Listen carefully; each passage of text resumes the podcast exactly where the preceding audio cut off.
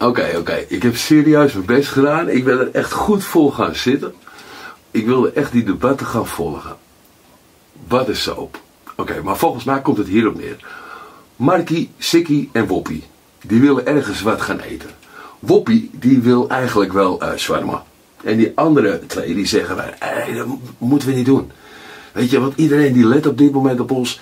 En we zitten ook iedereen hè, te dwingen lekker sojabonen te vreten. Dus laten wij nou gewoon kiezen om lekker een te gaan eten. In een uh, leuk wolkenrestaurantje. Oké, zo gezegd, zo gedaan. Hoppakee, naar het restaurantje. En Woppie die zegt, jongens, ik ga even een peukje roken. Woppie gaat naar buiten, rookt een peukje en daar komt de verslaggever van het Algemeen Dagblad tegen. Dat is niet toevallig hoor. Woppie had op de play al stiekem geappt dat ze daar zaten. Woppie zegt tegen de verslaggever dat als het aan hem lag, dan zouden ze liever naar de Shawarma-boer gaan. Dit zegt hij niet zomaar. Dit zegt hij omdat zijn kiezers, net als hem, ook helemaal geen trek hebben in die smakeloze bende. Die willen een lekker kapsalonnetje en niet een wortel met een vegan dipsaus. De volgende dag staat er groot in de krant: Woppie wilde liever zwarma. en nu is, als ik het goed heb begrepen, niet alleen Markie en Sikkie die zijn heel erg boos. Nee, de hele Tweede Kamer die is pistof. Hoe kan je nou linzensoep gaan eten terwijl je daar geen trek in had?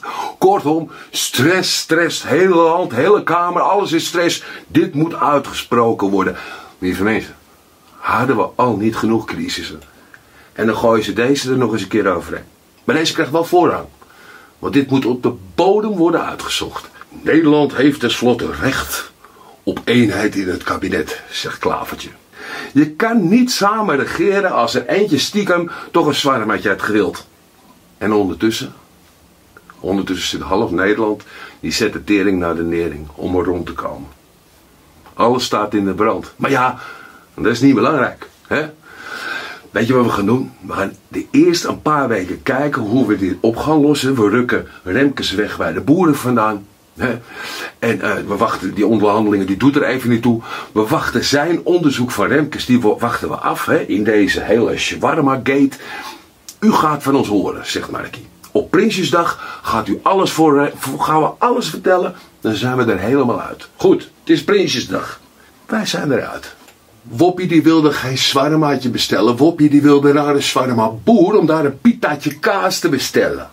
Ah, en zo beste mensen zijn we weer een paar maanden verder.